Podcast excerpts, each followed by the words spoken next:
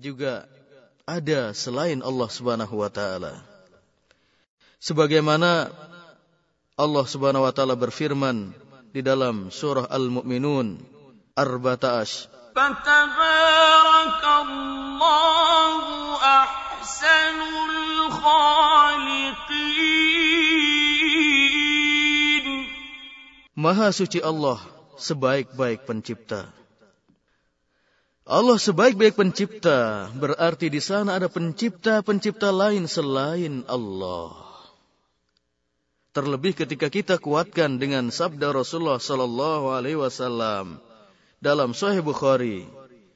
Nanti pada hari kiamat bagi orang yang menggambar, bagi pelukis ataupun yang lain dikatakan kepada mereka yuqalu lahum ahyu ma khalaqtum silahkan berilah ruh, hidupkan apa yang telah kalian ciptakan.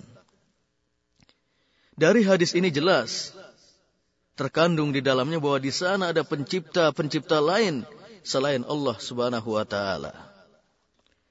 Lalu bagaimana kita menggabungkan bahwa Allah adalah satu-satunya zat sebagai pencipta dengan pencipta-pencipta lain yang juga Allah akui dalam ayat-ayatnya.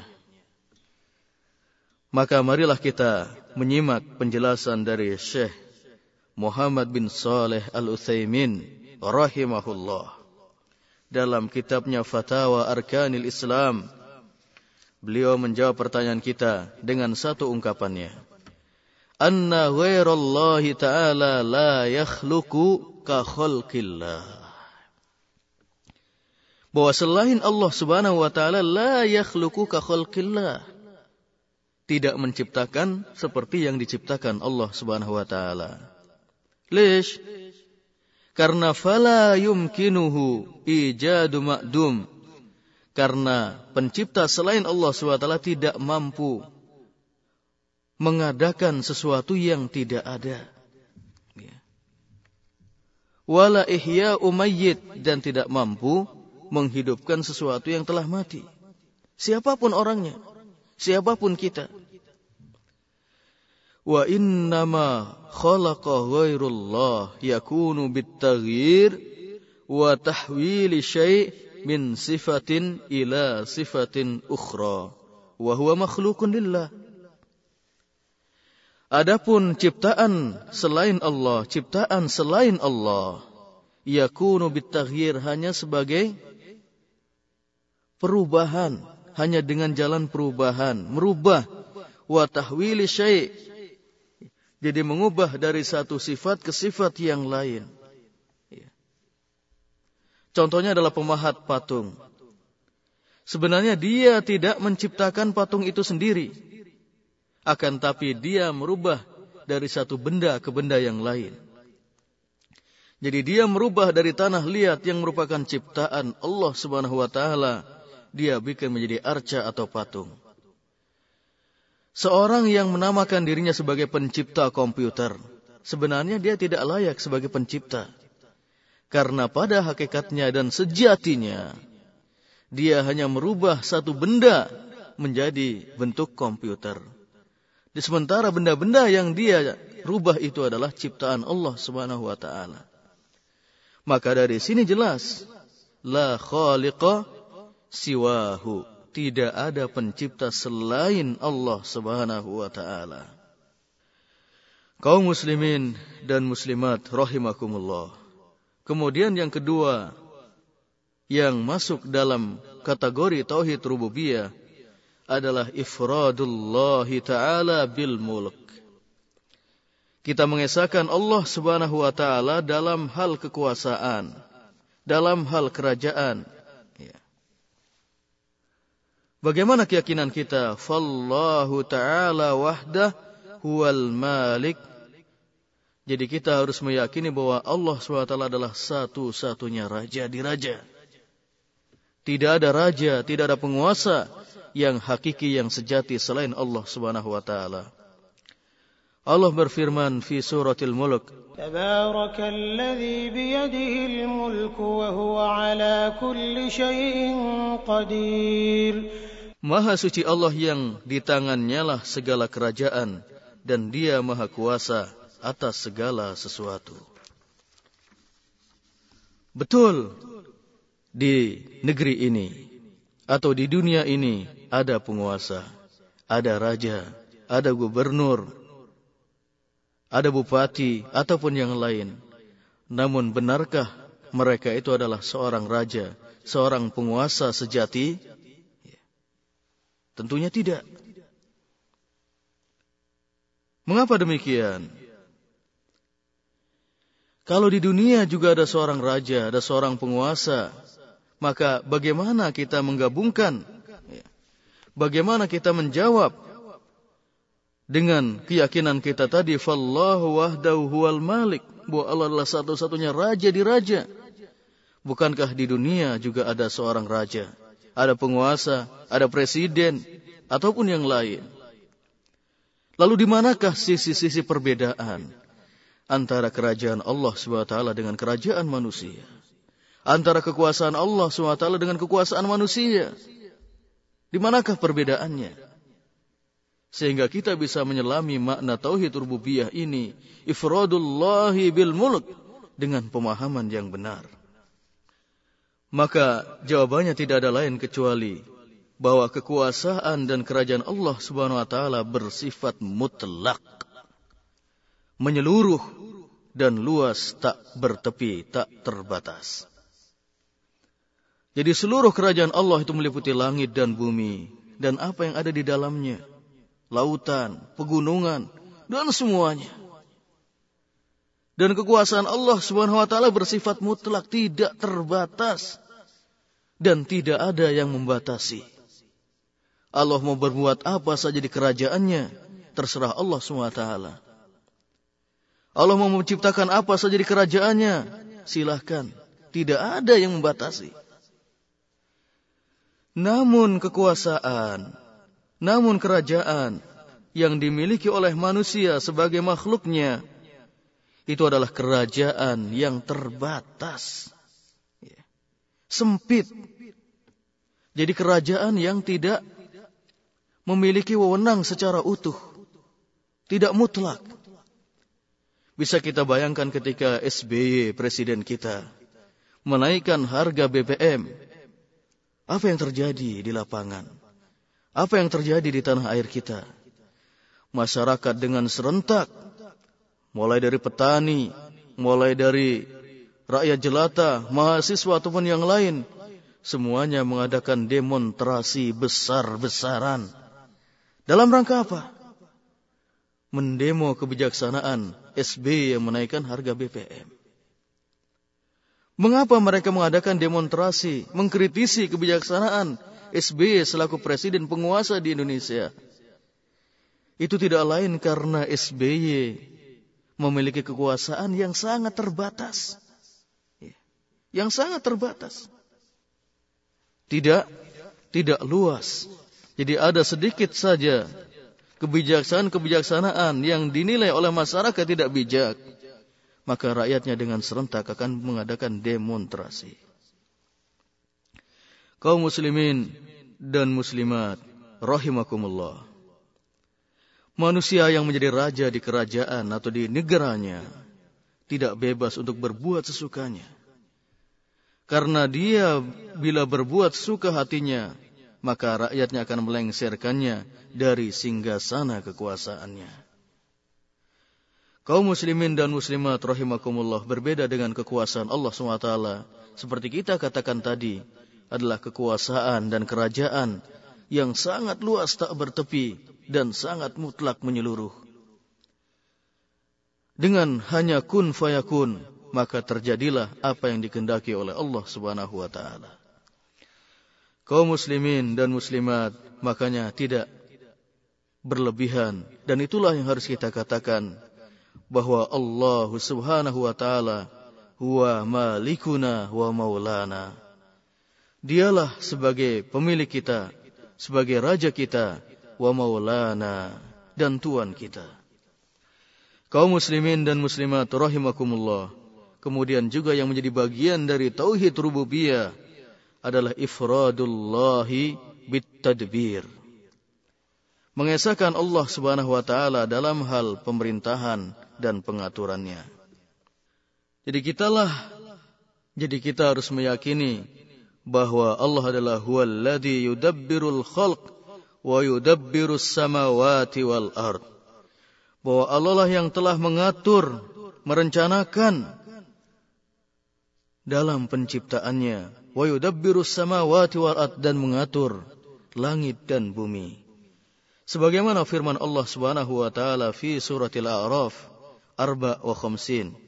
ألا له الخلق والأمر تبارك الله رب العالمين Ingatlah menciptakan dan memerintah hanyalah hak Allah. Maha suci Allah Tuhan semesta alam. Kaum muslimin dan muslimat rahimakumullah. Adanya pergantian siang dan malam adalah merupakan perintah dan pengaturan Allah Subhanahu wa taala.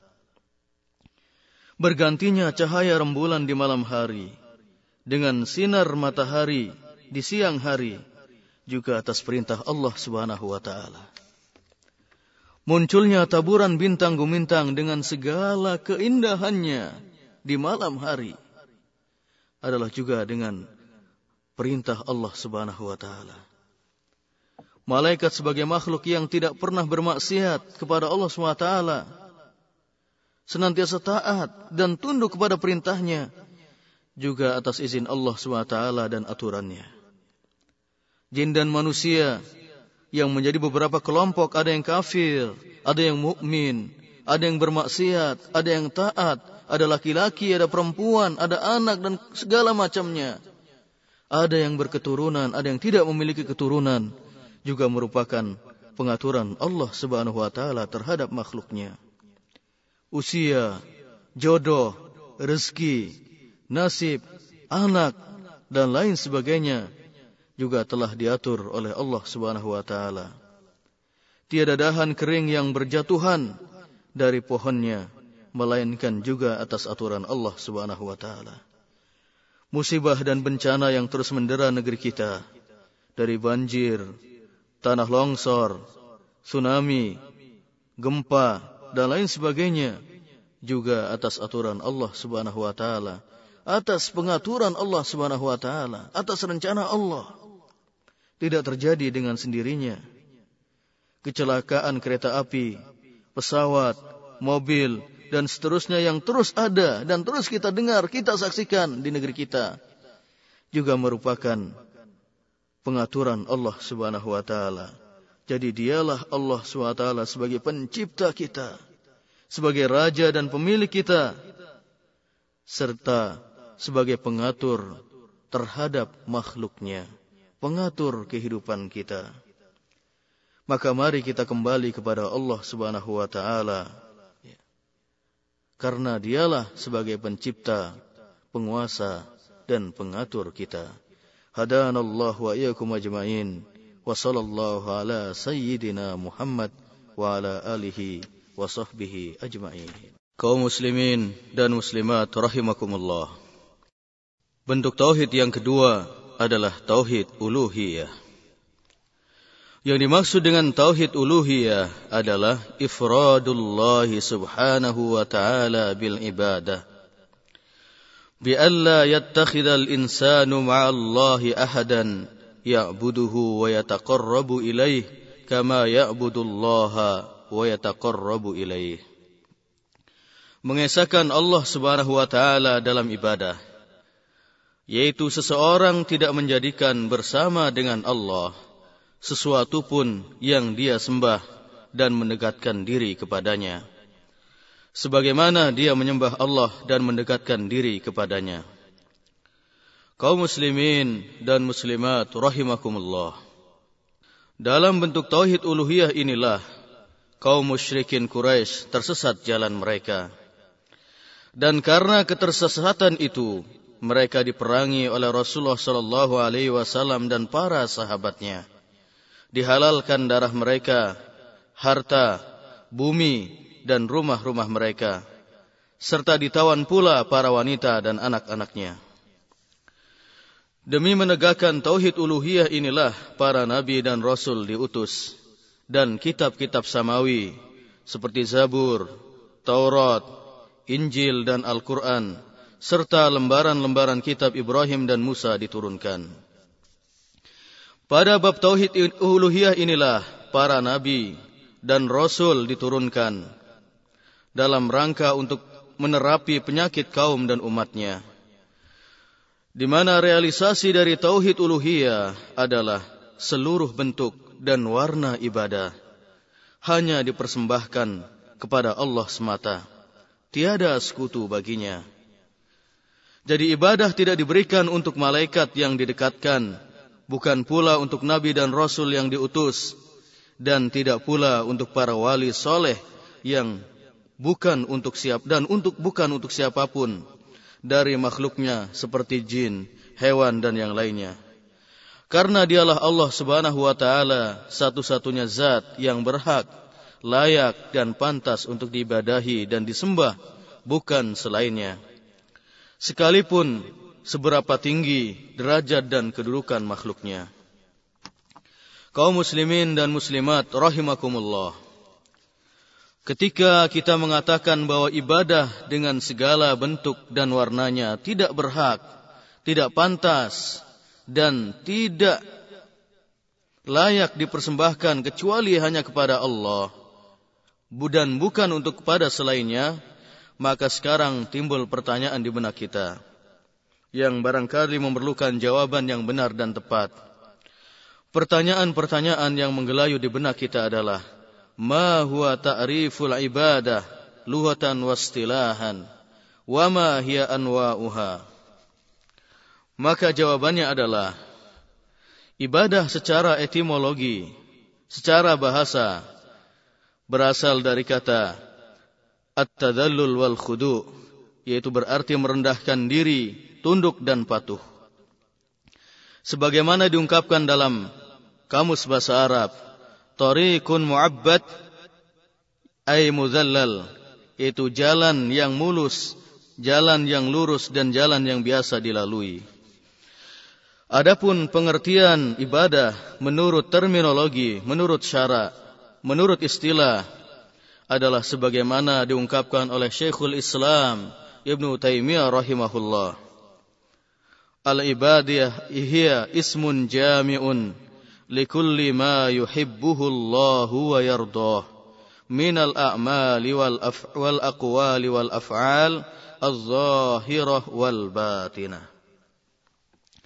Sebuah nama yang mencakup setiap apa yang dicintai Allah SWT dan diridhoinya dari amalan, ucapan, dan perbuatan, baik yang lahir maupun yang batin. Berdasarkan definisi tersebut, jelaslah bagi kita bahwa ibadah mencakup amalan hati dan amalan anggota tubuh kita. Dan dari pengertian tadi, kita dapat mengambil benang merah bahwa ibadah mencakup salat, tawaf, haji, puasa, nazar, i'tikaf, menyembelih korban, sujud, ruku, takut, harap-harap cemas, khasyah, rasa takut yang disertai dengan pengagungan, tawakal, minta pertolongan, berdoa, berharap, istighosa dan berbagai macam bentuk ibadah lain yang disyariatkan oleh Allah Subhanahu wa taala melalui Al-Qur'anul Karim dan disyariatkan oleh Rasulullah sallallahu alaihi wasallam dengan sunnah sahihah baik yang berbentuk perkataan maupun perbuatan. Kaum muslimin dan muslimat rahimakumullah. Bila ibadah dengan segala bentuk dan warnanya tidak boleh dipersembahkan kepada selain Allah, maka sudah sewajarnya dan seharusnya kita melakukan solat lima waktu. Ataupun solat-solat yang sunnah dan nawafil. Tawaf mengelilingi Ka'bah. Haji ke Baitullahil Haram. Puasa Ramadan dan puasa-puasa sunnah lainnya. menyembelih korban, ruku, sujud, takut, berharap, meminta pertolongan dan meminta kemenangan, bertawakal dan berdoa, serta bentuk ibadah-ibadah yang lain, maka kita lakukan, kita persembahkan hanya untuk Allah Subhanahu wa taala semata, tiada sekutu baginya. Ketika kita memalingkan sedikit saja dari bentuk-bentuk ibadah tersebut, maka berarti kita telah terjatuh ke jurang kesyirikan. Allah Subhanahu wa taala berfirman di dalam surah Al-Mu'minun ayat 117 fi suratil Mu'minun ayat 117 ومن يدع مع الله إلها آخر لا برهان له به فإنما حسابه عند ربه إنه لا يفلح الكافرون Dan barang siapa menyembah Tuhan-Tuhan yang lain di samping Allah padahal tidak ada suatu dalil pun baginya tentang itu maka sesungguhnya perhitungannya di sisinya sesungguhnya orang-orang kafir itu tidak akan beruntung. Kaum muslimin dan muslimat rahimakumullah. Bila kita mengimani bahwasanya Allah Subhanahu wa taala adalah sebagai pencipta, pemelihara dan pengatur segala urusan kita, namun kita tetap berada dalam kesyirikan, menyekutukan Allah dalam ibadah, seperti kita mendatangi kubur seorang yang soleh, lalu kita memohon pertolongan, keluasan rezeki, kemudahan jodoh, dan kebutuhan-kebutuhan kita yang lain, dan hajat-hajat kita yang lain, kepada penghuni kubur tersebut atau kita bernadar untuknya atau menyembelih sesembelihan untuknya maka berarti kita telah menjadi seorang yang musyrik, seorang yang kafir dan abadi di neraka nantinya. Allah Subhanahu wa taala berfirman di dalam surah Al-Maidah ayat 72, fi suratil Maidah ayat 72. إنه من يشرك بالله فقد حرم الله عليه الجنة ومأواه النار وما للظالمين من أنصار Sesungguhnya orang yang mempersekutukan Allah maka pasti Allah haramkan kepadanya surga dan tempatnya adalah neraka. Tidaklah bagi orang-orang yang zalim itu seorang penolong pun. Yang demikian itu karena berdoa, memohon pertolongan, memohon kemenangan merupakan bentuk dan warna ibadah yang tidak boleh dipersembahkan kecuali hanya kepada Allah Subhanahu wa taala dan bukan kepada selainnya. Jika kita menelaah dan menganalisa perilaku musyrikin Quraisy pada zaman Rasulullah sallallahu alaihi wasallam, niscaya kita akan temukan kemudian kita sampai pada satu kesimpulan bahwa sejatinya mereka mengimani tauhid rububiyah di mana mereka meyakini bahwa Allah Subhanahu wa taala adalah sebagai pencipta, pemelihara dan pengatur hidup mereka. Mereka meyakini bahwa Allah adalah sebagai pengatur rezeki, ajal, jodoh dan yang lainnya.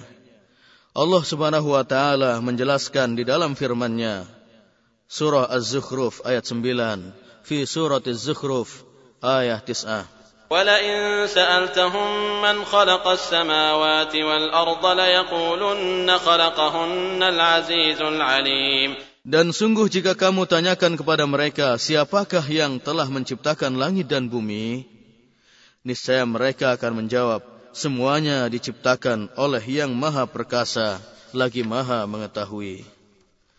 Namun toh demikian, keimanan mereka terhadap tauhid rububiyah tidak menjadikan mereka telah memasuki pintu gerbangnya Islam. Lesh, kenapa? Karena mereka menyekutukan Allah Subhanahu wa taala dalam ibadah di mana mereka menjadikan berhala-berhala di sekeliling Ka'bah seperti Lata, Uzza, Manat, dan yang lainnya yang berjumlah 360 berhala menjadi sesembahan lain di samping Allah SWT. Oleh karena itu sudah seyogianya dan semestinya bagi kita sebagai ahlu tauhid mengulang-ulang firman Allah Subhanahu wa taala di dalam surah Al-An'am ayat 162 163 fi suratil An'am ayah mi'ah isnan wa sittin ila mi'ah salasa wa sittin قل إن صلاتي ونسكي ومحياي ومماتي لله رب العالمين لا شريك له وبذلك أمرت وأنا أول المسلمين Katakanlah, sesungguhnya solatku, ibadahku, hidup dan matiku, hanyalah untuk Allah Tuhan semesta alam. Tiada sekutu baginya, dan demikian itulah Allah perintahkan kepadaku. Dan aku adalah orang yang pertama-tama menyerahkan diri kepadanya. Kaum muslimin dan muslimat rahimakumullah. Kemudian bentuk tauhid yang ketiga adalah tauhidul asma was sifat. Tauhid asma dan sifat. Ma huwa tauhidul asma was sifat? Apakah yang dimaksud dengan tauhid asma dan sifat itu? Tauhid asma dan sifat adalah ifradullah subhanahu wa ta'ala bima sammallahu bihi nafsah wa wasafa, wa wasafa bihi nafsah في كتابه أو على لسان رسوله وذلك بإثبات ما أثبته من غير تحريف ولا تأطيل ومن غير تكييف ولا تمثيل yaitu mengesahkan Allah Subhanahu wa taala dengan nama-nama yang telah Allah berikan untuk dirinya dan sifat-sifat yang telah Allah sifatkan untuk dirinya di dalam kitabnya yang mulia yaitu Al-Quran atau dari lisan Rasulnya Rasulullah Sallallahu Alaihi Wasallam dengan tidak merubah makna, tidak mengingkari atau meniadakan, tidak bertanya bagaimana hakikatnya dan tidak pula menyerupakannya. Kaum muslimin dan muslimat rahimakumullah. Bagaimana contohnya agar kaidah tauhid asma dan sifat tadi, definisi tauhid asma dan sifat tadi mudah dicerna oleh akal kita. Mari kita renungkan beberapa contoh di bawah ini. Allah Subhanahu wa taala memberikan nama untuk dirinya Al-Hayyu, yaitu yang hidup, Maha hidup sebagaimana firman Allah SWT dalam ayat kursi. Allah la ilaha illa huwal hayyul qayyum la ta'khudhuhu sinatun wa la nawm. Allah yang tiada sesembahan kecuali Dia yang maha hidup dan mengurus terus-menerus makhluknya. Allah SWT menamakan dirinya sebagai Al-Hayyu, yang maha hidup. Maka kita wajib mengimaninya bahwa Al-Hayyu adalah salah satu nama dari nama-nama Allah Subhanahu wa taala, ismun min asma'illah. Dan kita juga harus mengimani apa yang terkandung di dalam nama ini dari sifat yaitu al-hayatul kamilah allati lam tusbaq bi'adam wa yalhaquha fana. Itu wala yalhaquha fana. Jadi kehidupan yang sempurna yang tidak didahului dengan ketiadaan dan tidak diiringi dengan kebinasaan. Kemudian contoh lain dari sifat Allah Subhanahu wa taala atau contoh dari sifat Allah Subhanahu wa taala adalah sebagaimana firman Allah Subhanahu wa taala dalam surah Al-Maidah ayat 64 fi suratil Maidah arba wa sittin وقالت اليهود يد الله مغلولة غلت أيديهم ولعنوا بما قالوا بل يداه مبسوطتان ينفق كيف يشاء Orang-orang Yahudi berkata tangan Allah terbelenggu. Sebenarnya tangan merekalah yang dibelenggu dan merekalah yang dilaknat disebabkan apa yang mereka katakan itu. Tidak demikian. Tetapi kedua-dua tangan Allah subhanahu wa ta'ala terbuka. Dia menafahkan sebagaimana yang dia kehendaki. Kaum muslimin dan muslimat rahimakumullah.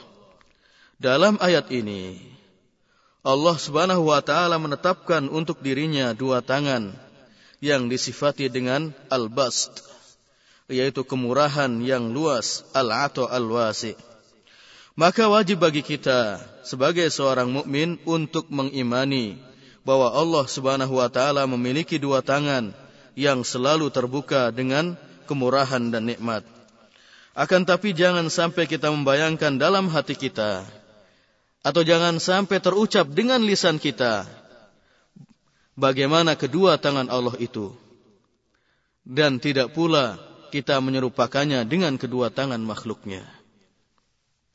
Karena yang mengetahui hakikatnya hanyalah Allah Subhanahu wa taala. Karena Allah Subhanahu wa taala berfirman dalam surah As-Surah, Asy-Syura ayat 11, fi surah Asy-Syura 11 ليس كمثله شيء وهو السميع البصير Tidak ada sesuatu pun yang serupa dengan dia dan dialah yang maha mendengar lagi maha melihat. Kaum muslimin dan muslimat rahimakumullah. Barang siapa yang menyerupakan kedua tangan Allah dengan kedua tangan makhluknya, berarti dia telah mendustakan firman-Nya, "Laisa kamitslihi syai'." Tidak ada sesuatu pun yang serupa dengan dia. Dan berarti pula siapa yang menyerupakan kedua tangan Allah, sifat-sifat Allah dengan sifat-sifat makhluknya, berarti pula dia telah bermaksiat kepada Allah Subhanahu wa taala Padahal Allah telah berfirman dalam surah An-Nahl ayat 74 fi surah An-Nahl arba wa sabayin. Fala tadribu lillahi al-amthal.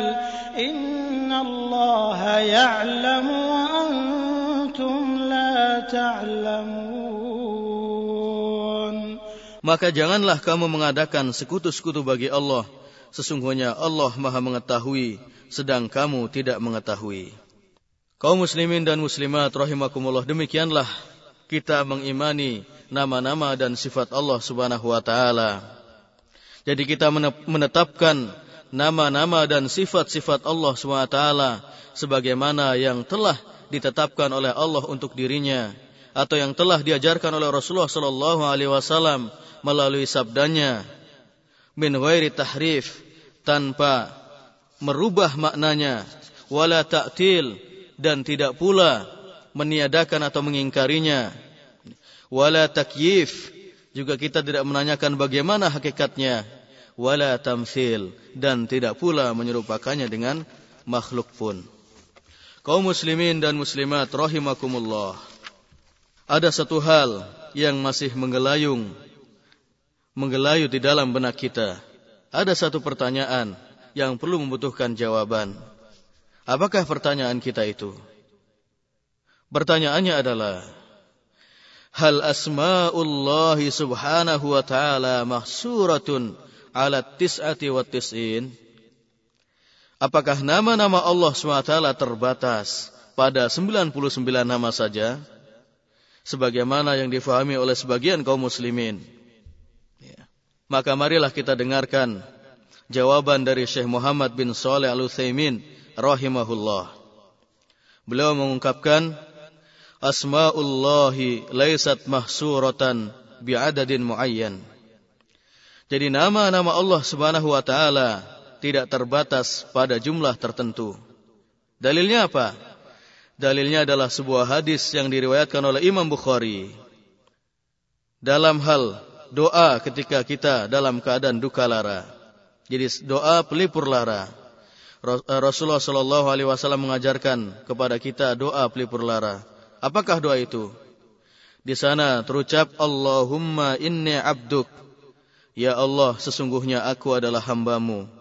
Wabnu abdik dan putra dari hambamu yaitu Adam. Wabnu amatik dan putra dari hamba perempuanmu yaitu Hawa. As'aluka huwa lak. Aku memohon kepadamu dengan setiap nama yang menjadi milikmu. Sammaita bihi nafsak yang engkau namakan buat dirimu. Au anzaltahu fi kitabik atau engkau turunkan dalam kitabmu. Au 'allamtahu ahadan min khalqik atau engkau ajarkan salah seorang dari hambamu. Aw ista'tharta bihi fi ilmil ghaib 'indak atau nama-nama yang kau rahasiakan dalam ilmu ghaib di sisimu. Dan seterusnya. Nah syahidnya atau pedoman dari hadis ini dalilnya adalah perkataan awis ta'thar tabihi fi ilmil ghaib indak. Jadi nama-nama yang Allah rahasiakan dalam ilmu ghaib di sisi Allah SWT. Wa masta'thara Allah bihi fi ilmil ghaib la yumkin an yu'lam bihi wa ma laysa ma'luman laysa mahsura. Jadi nama-nama yang Allah rahasiakan dalam ilmu gaib di sisinya tidak mungkin diketahui oleh siapa pun. Oleh para malaikat, para rasul yang didekatkan dan lain sebagainya tidak ada. Wa ma laisa ma'luman laisa mahsura dan sesuatu yang tidak diketahui tidaklah terbatasi. Adapun sabda Rasulullah sallallahu alaihi wasallam, "Inna lillahi tis'atan wa tis'ina isman." Man ahsoha dakhalal jannah. Sesungguhnya Allah SWT memiliki 99 nama. Man ahsoha dakhalal jannah. Barang siapa yang menghafalnya, maka dia masuk surga. Nah hadis ini falaysa ma'nahu annahu laysa lahu illa hadhil asma. Jadi hadis ini bukan berarti hanya membatasi nama-nama ini saja, 99 nama walakin ma'nahu anna man ahsa min asma'ihi yaitu hadhi tis'a wa tis'in barang siapa yang menghafal 99 nama ini dari nama-nama Allah SWT fa innahu yadkhulul jannah maka dia masuk surga. Perbandingannya adalah sebagai ungkapan dari orang-orang Arab. Indi mi'atu faros saya memiliki 100 ekor kuda. A'dattuha lil jihad fi sabilillah yang aku persiapkan untuk jihad fi sabilillah. Falaysa ma'nahu annahu laisa indahu illa hadil mi'ah. Maka maknanya bukan berarti ungkapan tadi atau seorang tadi hanya memiliki seratus ekor kuda saja tidak. Bal hadhil mi'ah mu'iddatun li. Jadi seratus ekor kuda ini yang dipersiapkan untuk jihad fisabilillah. Maka yang dipersiapkan untuk yang lain masih ada lagi. Dan hanya dia yang tahu. Kaum muslimin dan muslimah rahimakumullah. Demikianlah nama-nama Allah SWT. Jadi janganlah sampai kita membatasi nama-nama Allah hanya 99 nama saja. Sebagaimana yang difahami oleh sebagian kaum muslimin. Jadi demikianlah Syekh kita Muhammad bin Saleh Al-Utsaimin rahimahullah telah menjelaskan secara gamblang bahwa nama-nama Allah bukan hanya 99 dengan dalil-dalil yang sangat akurat dan valid. Kaum muslimin dan muslimat rahimakumullah demikianlah mudah-mudahan dengan pembahasan kita kali ini yaitu makna tauhid, kemudian keutamaannya dan pembagiannya semakin kita memahami makna, keutamaan, kedudukan dan pembagian tauhid. Dan mudah-mudahan kita dapat menerapkannya dalam kehidupan kita sehari-hari. Allahumma ja'alna min ahli tauhid. Allahumma ja'alna min ahli tauhid. Allahumma ja'alna min ahli tauhid. Ya Allah, jadikanlah kami termasuk ahli tauhid. Allah wa iyyakum ajmain wa sallallahu ala sayyidina Muhammad wa ala alihi wa sahbihi ajmain. Wassalamu alaikum warahmatullahi wabarakatuh. Mudah-mudahan Allah Subhanahu wa taala memberikan kepahaman kepada Anda setelah mendengarkan silsilah studi Islam terpadu ini. Bagi Anda yang berminat memiliki album kaset studi Islam terpadu ini, dapat menghubungi kami di kantor kerjasama dakwah, bimbingan dan penyuluhan agama Islam bagi para pendatang di daerah Rabuah, Riyadh. PO Box 29465 Riyadh 11457. Telepon 445 4900 491 6065. Fax 497 0126. Rabwa, Jalan Amir Mat'aib, samping Bang Al-Rahji, cabang Rabwa. Assalamualaikum warahmatullahi wabarakatuh. تم تسجيل هذه المادة في استديو المكتب التعاوني للدعوة وتوعية الجاليات بالربوة في مدينة الرياض.